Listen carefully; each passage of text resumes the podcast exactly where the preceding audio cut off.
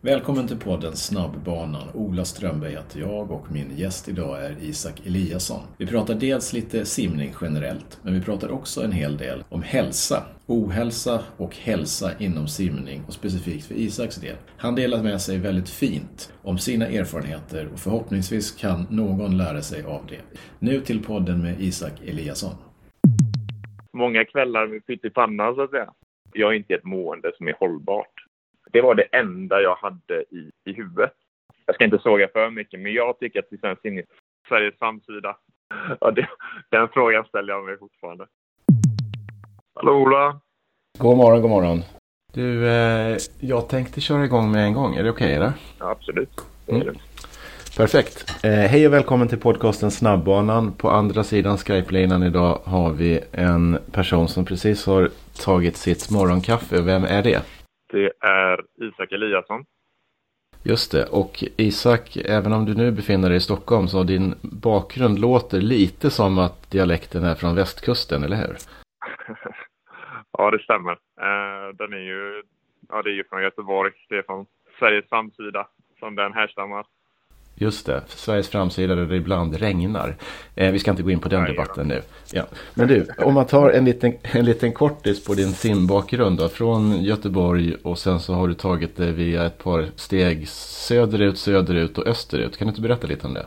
Jo, um, jo men jag kommer från Göteborg då. Uh, men simkarriären började i Mölndal, i Mass. För att Mass i Göteborg, eller från på ja, Göteborgssidan då, är väl för mig var det det bästa alternativet där och då. Det är i princip lika långt från där vi bodde till Mölndal och Åbybadet som det var till Vallhallabadet och G-sim och S02 och då var det lite vad, vad som passade bäst och då var det mass. Eh, så där fick jag ju min skolning då från simskola till seniorålder. Eh, så det var genom SumSim och JSM och SM och till svenska rekord eh, tills jag tog studenten. Och efter studenten så bestämde jag mig att nej, nu vill jag, nu vill jag satsa och hur gör jag det? Så det var väl tanken att då är det väl det bästa alternativet att åka och träna med de bästa i världen. Så att eh, då var det framförallt att i Sverige bosätta mig någonstans där jag kan ha en klubb som kan stötta mig på det sättet. Och då var det Helsingborg. Så jag flyttade dit och de hjälpte mig även komma iväg till Australien. Så tränade jag där i perioder. Och eh, sen efter det så tog vägen mig vidare till Stockholm 2017 och det är där jag befunnit mig sen, sen dess då. Mm. Om man hoppar tillbaka lite då innan, innan du tog steget att du skulle börja simma i mass. Var det någon annan sport som pockade på och tyckte att det här skulle du hålla på med också? Eller höll du på med flera olika idrotter när du var yngre? Ja, jag höll på med fotboll, bandy, tennis och simning på samma gång. Eh, okay. tennisen la jag väl av mig till 12-13 års åldern. Eh, bandyn la jag väl av mig 14-15, fotbollen 16-17 någonstans där. Okej, okay. du pratar rik riktig bandy och inte gympa innebandy? Nej, nej, bandy på is då. Bandy på is, ja. Så, ja, riktig bandy får vi kalla det. Uh, men uh, nej, det stod mellan fotbollen och simningen till slut. Men så drog jag på mig en handledsskada när jag spelade en fotbollsmatch och då var det fan, nu missar jag ju det här i simningen. Och då insåg jag att det är simningen jag vill hålla på med. Uh, tyckte alltid det var kul att spela fotbollsmatcher och så, men träningen var inte det jag brann för i fotbollen på samma sätt som i simningen. Så att eh, då lutar det över. Mm. För en som inte förstår simning så kan man ju undra hur en simträning kan vara roligare än en fotbollsträning. ja, det, den frågan ställer jag mig fortfarande. Uh, nej, men det är den skillnaden. Fotbollen, jag, jag älskar lagsport och jag, jag älskar, jag, alltså jag brinner för fotboll. Jag, jag tror nästan jag tycker fotboll som sport är roligare än simning. Men jag har insett att det är inte själva... När, när jag kollar på fotboll, det jag kollar, jag sitter inte och stirrar på matcher utan du vet, jag är intresserad av struktur på organisation och hur lag tränar och så vidare. Um, och jag älskar lagmomentet. Men i simningen så är det just den här individuella träningen som jag tycker är jäkligt intressant och allt har gjort att drivas av den personliga utvecklingen. Det är det jag tycker är kul. Och eh, i fotboll så går det ju också att göra på sätt och vis, men just simningen blev det ju en självklarhet. Liksom. Mm, mm. Simning individuell idrott, men till viss del även lagidrott eftersom man ju sällan kör helt själv. Även om en del gör det så är det ju inte speciellt vanligt. Exakt, och det är väl där, det är ju den biten jag drivs av i simningen också, på den, den nivån att anledningen till att jag tränade i spårvägen till exempel, jag började i spårvägen var att jag skulle få en roll där vi kunde liksom tillsammans lyfta upp kill, killnivån i klubben på ett sätt som inte hade gjorts på flera år. Eh, och det var någonting som verkligen brann inom mig, att vi skulle satsa på lagkapper och så vidare.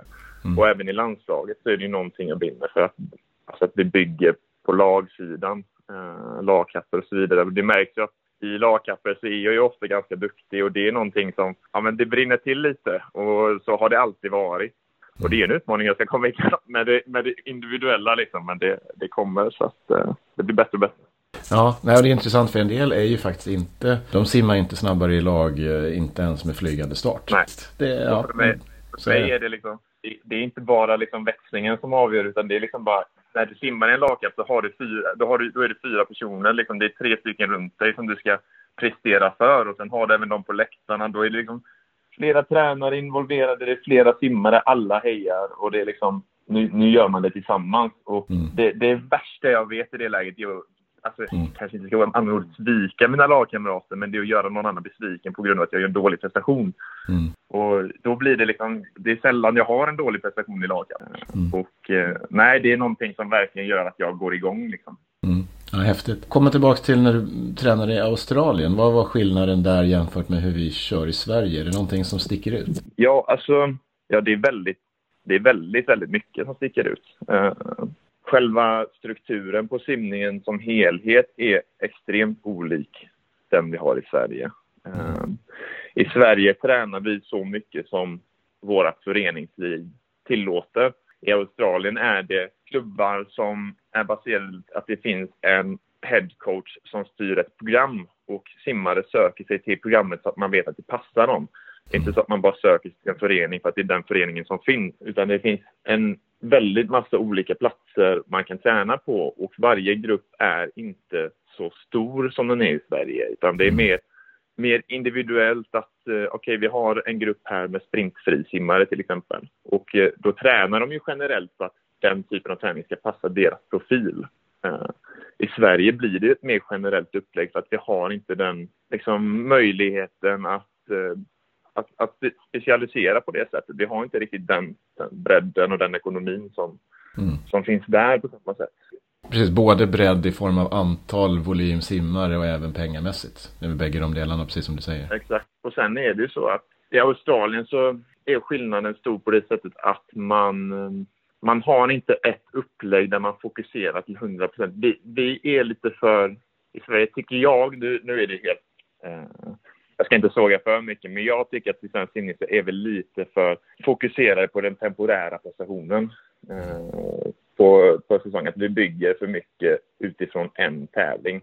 Att eh, till exempel vi börjar träna tidigt på eh, hösten eller sent på sommaren i augusti och eh, så tränar man fullt mot SM och efter SM så så slutar man i princip att man tar, inte att man slutar träna, men det är dit, det är dit liksom fokuset har legat. I Australien är det att du börjar träna i augusti med fokus, huvudfokus är fortfarande mot nästkommande vår eller sommar och det är det det byggs mot. Just det. Så det är ett långvarigt upplägg och vi kanske är lite för kortsiktiga i svensk simning kontra hur de jobbar internationellt på det sättet. När du bestämde dig för efter Australien då att eh, flytta till Stockholm, vad, vad var det som gjorde att du tog det beslutet? Det var framför allt att eh, när jag hade kommit till Helsingborg så hade vi en struktur där, där de, vi var väldigt många grabbar och mm. tjejer eh, i samma ålder. Och det var en fullskalig satsning på att skapa en toppmiljö. Och eh, det var ett jättebra försök och vi var ju riktigt, riktigt duktiga. Jag hade ett jättebra gäng, men efter OS-cykeln där då, 2016, så var det väldigt många som slutade eller pausade eller flyttade. Och eh, motivationen där, luften gick väl ur lite. Och att eh, då hålla i den fullskaliga satsningen därefter, det var lite som att vi, vi glömde bort att hålla det långsiktiga fokuset. Så hur ska vi följa upp därefter? Och även ekonomiskt så var det inte så mycket möjligheter som tilläts i Helsingborg längre, utan man var tvungen att kolla igenom hur mycket kan vi satsa hädanefter. Och eh, då var det, okej, okay, jag, vill jag vill helst inte träna ensam i Helsingborg när det finns den möjligheten att träna med en grupp i Stockholm. Eh, och då blir det naturliga valet att flytta till Stockholm och träna med den gruppen som, som fanns här. Då. Mm. Och tror du, om, om vi pratar lite struktur och liknande, NEC i Stockholm, tror du att det skulle vara nyttigt att ha fler NEC regionalt eller liknande i Sverige? Eller vad, vad, som du har sett när du har varit och tränat på olika ställen? Jag tycker att vi bör ha center på de orterna där simningen är ganska bred i Sverige. Mm. Um, och, eh, och, då, och då snackar vi att det borde finnas ett center som det finns nu i Stockholm. Men mm. jag tycker också att det borde finnas ett center på västkusten någonstans, i Skåne och i mellersta Sverige.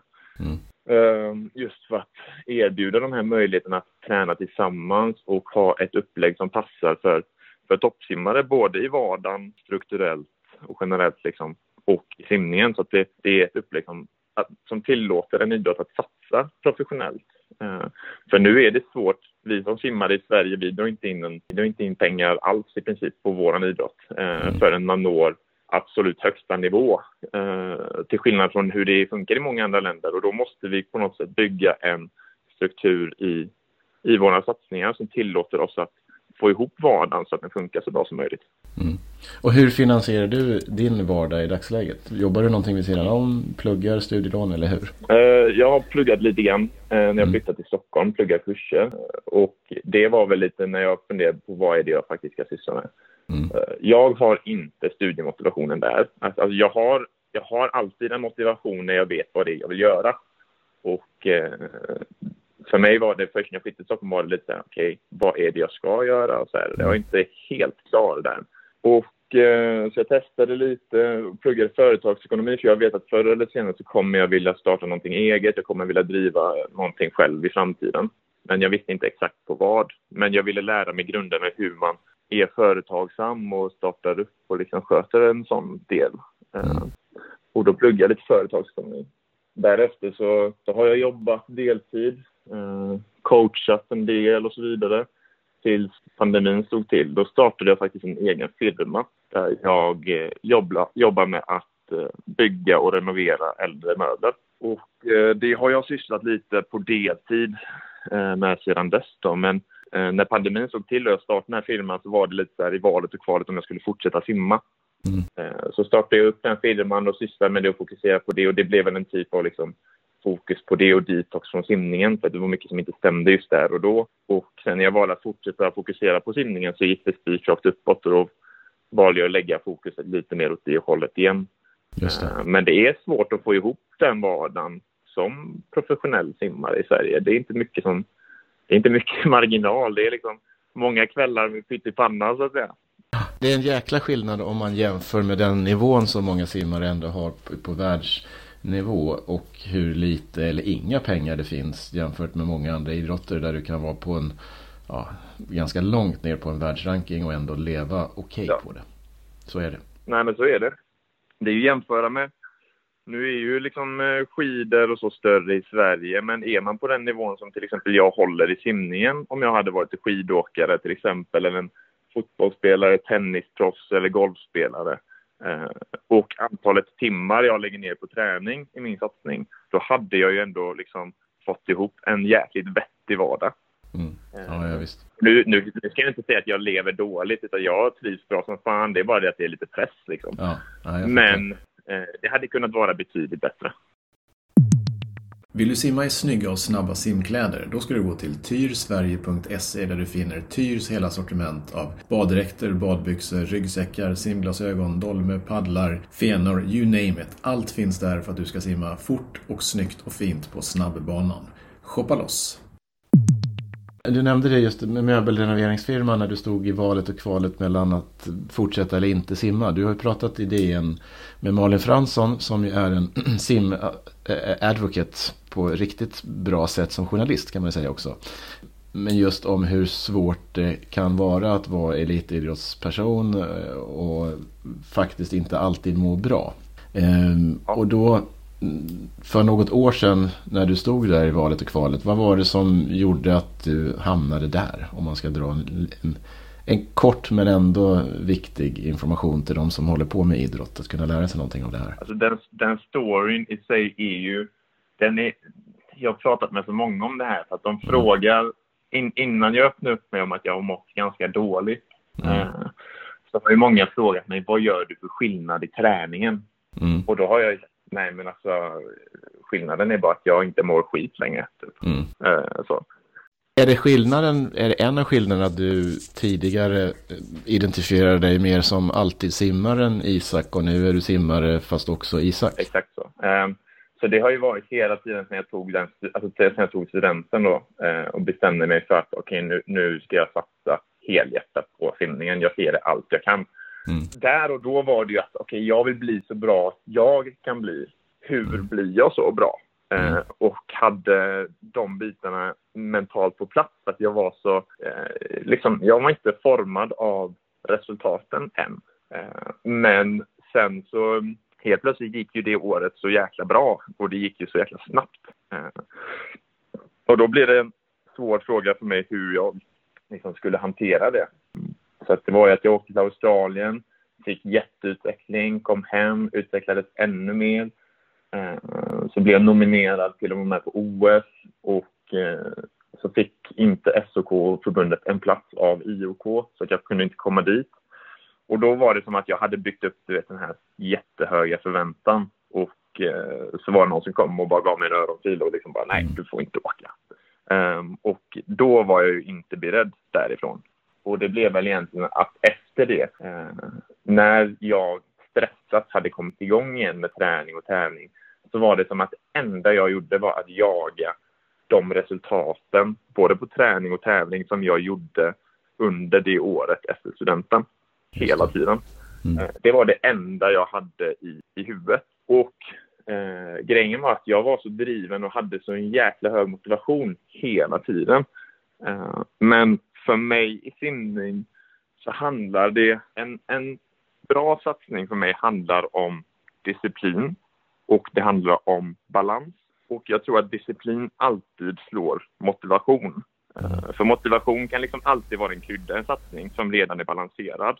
Eh, och motivation kan få en att göra det där lilla extra. Men att enbart ha motivation kan samtidigt innebära att du ena dagen gör allt du kan för att typ, bli bäst i världen. Mm. Men för att nästa dag så orkar du inte ens komma upp i sängen typ. Mm. Att vara disciplinerad med en tydlig struktur och rutiner och plan och eh, ha en balanserad vardag där du vet vad du ska göra och vilken nivå du klarar av att hålla på träning och vardag. Eh, det är för mig en ganska stor nyckel. Det blir inte lika beroende egentligen av emotionella svängningar som alla har, utan det är lite mer kanske vardag och ett jobb till en viss del.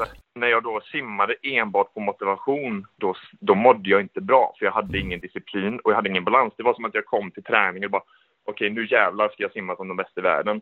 Mm. Och dagen efter så var jag helt körd. Mm. Vad är då hållbart i det liksom? Eh, det är det inte. Eh, men samtidigt så bygger man ju disciplinen på den motivation man har. Alltså disciplinen måste ju komma någonstans ifrån. Är man inte motiverad mm. eh, så liksom då, då, då är det ju ingen idé att hålla på. Men man måste kunna bryta ner det och bygga upp en struktur som är hälsosam. Jag tycker att vi som ledare och förebilder borde fråga oss hur man dirigerar liksom ungas motivation för att skapa en typ av hälsosam och balanserad disciplin.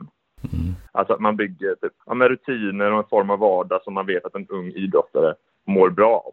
Är det någonting som du skulle vilja jobba mer med, kanske professionellt om man säger så, antingen efter din aktiva simkarriär är slut eller samtidigt som det? Um, alltså jag har inte helt bestämt mig, uh, men jag kommer på ett eller annat sätt Alltså jag drivs av sådana här frågor. Mm. Eh, och jag, det, jag tycker att det är kul att kunna prata med yngre simmare och hjälpa dem och vägleda dem utifrån vad jag har lärt mig. Sen om jag behöver jobba med det professionellt och ta betalt och livnära mig på det i framtiden, det, det, det är ingenting jag har riktigt funderat på. För just nu så tycker jag bara att det är så stimulerande att få det gjort. Alltså bara utifrån den person som jag är. Att jag stimuleras mm. av den, den grejen liksom. Mm, jag fattar. Men har du i, i, i, dagsläget när du, du har ju simtränare, du tränar på NEC. Har du även mental tränare och coach som du pratar med? Och är det kopplat till idrotten eller är det kopplat generellt till livet? Jag har en uh, mental coach inom mm. simningen uh, som heter Göran Kente. Ja. Och jag har en psykolog uh, mm. som vägleder mig i vardagen, i mina tankar. Mm. Och eh, det var ju just när jag kom, när pandemin kom då och jag på något sätt liksom hade, hade kraschat redan och jag hela tiden på något sätt har vetat om att jag mår, jag, har, jag är inte ett mående som är hållbart. Mm. Och när jag då kraschade där så, så sa jag till mig själv, okej, okay, ska jag hålla på, då ska jag göra det på mina egna villkor och jag ska göra det på ett hälsosamt sätt. Och då måste jag först och främst få kontroll över alla känslor, all ångest jag hade, eh, panikångesten jag hade och hur gör jag det? Och det är ju just att jag på något sätt har någon att bolla med. Mm. Eh, som kan hjälpa mig att sätta mina känslor i, i ord och i, i, i struktur och liksom, liksom du gör det här utifrån dina känslor, du tänker så här utifrån dina känslor. Vad är rationellt och vad är irrationellt? Typ så. Just det. Och eh, då i simningen så vet jag att jag har alltid brottats med, med nervositet ända sedan jag var liten. Och jag har på något, hade på något sätt normaliserat att jag fick dunderångest av att tävla. Mm. Jag, och jag tyckte inte det var kul, men nu var det så att jag råkade vara bra på simning och då var det bara uthärda. Förstår. Och, eh, och då, då blev det sen när jag började liksom bryta ner det här, började jag tänka, är det verkligen, tycker det är kul att tävla Mm. Alltså är det värt det, trots att jag är duktig liksom? Men jag kom fram till att jag, jag tycker ju att träningen är det roliga uh, och tävlingen speglar mina resultat utifrån den träningen jag gör. Mm. Men Eh, samtidigt måste jag kunna komma till tävlingarna och på något sätt vara nollställd då. Och då har ju det blivit det jag tränar på med Göran. Att kunna komma till tävlingen och få kontroll över mina känslor. Liksom. Mm. I dagsläget, hur känner du att du balanserar den här ja, pressen, positiva pressen på träning, tävling? Hur hanterar du det? Och, och, har du några verktyg som du tar till eller är det en, en, en, lång process där du har liksom hamnat i ett läge där du mår bra nu? Um, alltså det har ju varit en lång process att komma hit, men idag har jag det extremt mycket under kontroll, skulle jag säga. Um, det blir verkligen så att det enda jag fokuserar på, det är, alltså det, det är det jag tycker är kul i sporten och det är träningen och det är att bygga mig själv fysiskt och det är min, min personliga utveckling. Mm. Och eh, just träningen, att bygga mig fysiskt och så, det är det som framförallt driver mig. Och eh, då är det liksom att det är det jag stimuleras av i min vardag. Eh, istället för att du vet, man jagar den här temporära känslan av ett resultat så vill jag ha den konstanta stimulansen som kommer från det arbete som jag lägger ner varje dag. Mm. Och det är träningen. Och att jag då kommer till tävlingarna och är helt avslappnad, det är en punkt jag har tränat mig till mentalt att jag, jag skiter i om det kanske dyker upp något värsta scenario i skallen ändå. Men shit, jag kanske dör eller shit, jag kanske missar vändningen. Mm. Men då är det så, ja men skitsamma, då kommer det ett lopp sen igen. Jag bara hoppar i så kör jag utifrån vad jag har tränat på. Och eh, det är liksom, jag har märkt att inte en enda gång så har något av de här värsta scenarierna som jag tänkt på tidigare faktiskt inträffat. Nej. Innebär det här att du är du mindre mer lika glad över resultaten på tävlingar när du har det här mindsetet? Eller har det förändrats någonting? Jag är tio gånger så glad över mm. alla resultat. Och mm. helt plötsligt så kommer resultaten gång på gång på gång. Istället för att mm. jag tränar ner mig och är i dålig form så är jag... Eh, det är liksom min lägsta nivå har skjutit om en tio gånger upp. Eh, mm, helt plötsligt så ligger jag på väldigt höga resultat i alla mina lopp bara utifrån att vara chill. Typ. Och eh, helt plötsligt blir det så att alla de resultaten då, det speglar ju det, jag, det jobbet jag lägger ner och det är ju den stimulansen då som jag verkligen gläds över och den känner jag gång på gång på gång uppfylls. Just det. Hur svårt har det varit att prata om det här i intervjun till exempel i DN eller här? Eh, är, är det jobbigt när folk frågar eller känner du att du har någonting att dela med dig av att du gärna gör det? För det är ju jättebra att du gör det. Jag delar jättegärna med mig, men det är klart mm. att det är svårt. Alltså bara nu när du ringer, alltså mm. jag sitter ju såklart och typ, jag sitter och skakar lite, så blir det ju. Mm. Eh, för jag är nervös för att prata om det. Eh, och det är inte så konstigt för att det blir det här, det finns ju det här stigmat och eh, det är normaliserat att man som idrottare bara ska hålla käften och köra. Mm. På något sätt liksom. Och nu har det ju börjat öppnas upp mer och mer och det är jättebra. Vad har du för tips till unga simmare då? Du har ju varit, eh, du är, har ju haft idoler antar jag och nu är du en idol för många som lyssnar på dig. Om man är 13-14 år gammal och tycker att simning är skitkul och jag vill bli duktig. Mm, har du några kloka tips? Först och främst så din satsning som idrottare ska alltid ske på dina egna villkor. Och då är det ju en definitionsfråga. Vad är mina egna villkor? Och det är, din satsning ska ske utifrån vad du tycker är kul, alltid. Mm. Mm. Um, och uh, tycker du att det är kul att satsa på simningen i den mån att du vill bli en av världens bästa, då måste du hitta ett upplägg som är hälsosamt och hållbart. Och då är det väldigt personligt och individuellt vad som är liksom hälsosamt och hållbart utifrån ditt perspektiv. Och sen samtidigt om man har ångest, att man har problem med känslor, nervositet, panikångest, eh, stress och så vidare. Håll inte inne på den.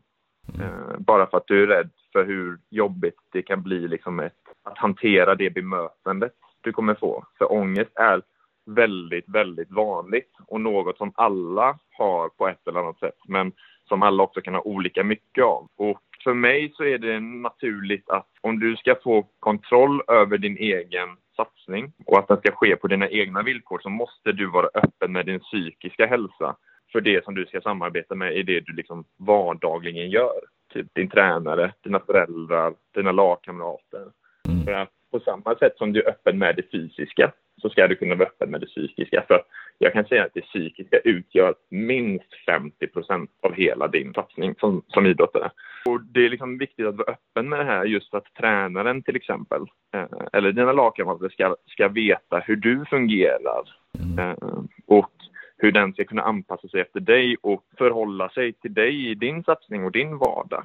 För att, och då är det ju den här rädslan, men de kanske tar emot det så här. Och då är det liksom att de, det är personer som inte bemöter dig på ett förstående sätt i det mm. du berättar, är inga personer som någonsin kommer bidra. För det är en intressant fråga. Känner du att simtränare, hur bra är man generellt på att hantera den typen av frågor? Um, dålig. Mm. Och det är inte på grund av att varje tränare i sig är dåliga. Nej. Utan det är ju för att vi har satt en kultur att det blir svårt att förhålla sig till. Um, för att, men det är också på grund av att vi som idrottare inte har varit tillräckligt öppna med detta problemet. Liksom. Då blir det ju liksom att ska, som, som tränare nu får höra det här, då kanske du blir försiktig, tillbakadragen, um, lite orolig att du vill inte vara pushande, du vill inte liksom vara störande, ett störande moment och du blir för försiktig. Uh, att du blir lite nuttig-puttig typ. Uh, och det är inte vad en, en simmare som öppnar upp sig om psykisk ohälsa behöver. Nej. Utan det den behöver är bara en bemötande person som liksom är förstående.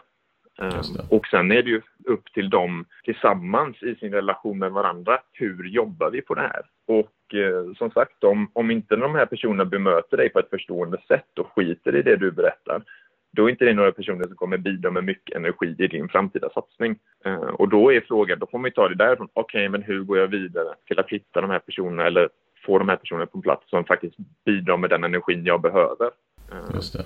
Och det är ju det som jag tycker blir svårt i svensk simning för vi har inte så mycket val. För vi har våra klubbar eh, med en huvudtränare typ. Eh, och vadå, om man simmar i Linköping eller typ, säg att man kommer från ännu mindre ort, Säffle. Om, om man inte bemöts på det sättet som, nu är det bara exempel då, bara, mm, men om man inte bemöts på det sättet som man behöver för att kunna satsa utifrån sin eget, alltså sitt eget perspektiv, vad söker man sig då till? Mm. Det är ju inte lättast att bara, okej, okay, men jag drar till Stockholm, eller jag drar till Göteborg, eller jag drar till Karlstad, eller jag drar till Helsingborg. Liksom. Det är inte det lättaste att bara dra. Och det är det jag menar med att om vi då har center utplacerade i Sverige som man kan söka sig till för att få ett bra upplägg för sig själv och där man vet att den här tränaren kanske passar mig bättre än den gör på det här stället. Just det. Då blir det ju ett annat alternativ. Liksom. Mm. Ja, jag fattar. Om folk är intresserade av att veta mer om din resa och dina kloka tankar här, då kan de DMa dig på eh, Facebook, Instagram eller var man nu hittar dig. Stämmer det? Absolut. Det, mm. jag, eh, det är många som kommit till mig och liksom tackat mig för att jag öppnat upp mig och eh, eller liksom bara sagt att han mår bra typ. Och eh, så jag märkt det är många som skrivit också, framförallt unga idrottare och simmare som har liksom öppnat upp sig för mig och jag är väldigt glad att man gör det. Eh, och man behöver inte känna bara för att jag är en duktig simmare så är det liksom svårt att höra av sig för jag är jätteglad mm. att bara snacka mm. eller bolla eller liksom okej okay, men så här ser jag det utifrån mitt perspektiv om det kan hjälpa någon så är mm. de jättevälkomna att snacka eller ja, Det är jättebra. Jag tror att du är helt rätt också just det här att det kanske har varit lite svårt eller nästan att man inte har fått visa att man faktiskt är inte någon he-man bara för att man är duktig på att simma. Utan det här är ju en samhällsfråga där idrotten är en del av det och kanske har ännu större del av det. Med hälsa och ohälsa. Det är inte något unikt inom idrotten utan det är ju verkligen ett samhällsissue. Exakt, så är det. Ja. Eh, Isak Eliasson, skitbra att du öppnar upp dig och pratar om det här. Eh, och ditt mål är att bli starkare och känna dig bättre på att simma och då kommer resultaten att komma. Och det kan man väl säga att de redan gjorde på SM, eller hur? Ja, hela året i princip. Ja. SM var ju bara liksom, det var inte stoppat till SM, men det var ju ändå en liten höjdpunkt. Ja, det var- ja. Det finns mer att hitta också. Ja, vad kul. Eh, är du nöjd med frågorna? Jo, men det tycker jag. Det är liksom eh, svårt att bestämma i förväg vad man ska bli frågad. Men eh, så att, nej, jag är skitnöjd. Ja, bra. Isak Eliasson, tack så jättemycket för en bra pratstund och ha en bra helg som det nu är. Ja, men detsamma. Detsamma. Absolut. Tack för att ni lyssnade på min pratstund med Isak Eliasson och hoppas att ni uppskattade det. Det gjorde i alla fall jag. Ta hand om er, var försiktiga, träna hårt, ät ordentligt, sov mycket så hörs vi nästa gång. Hej!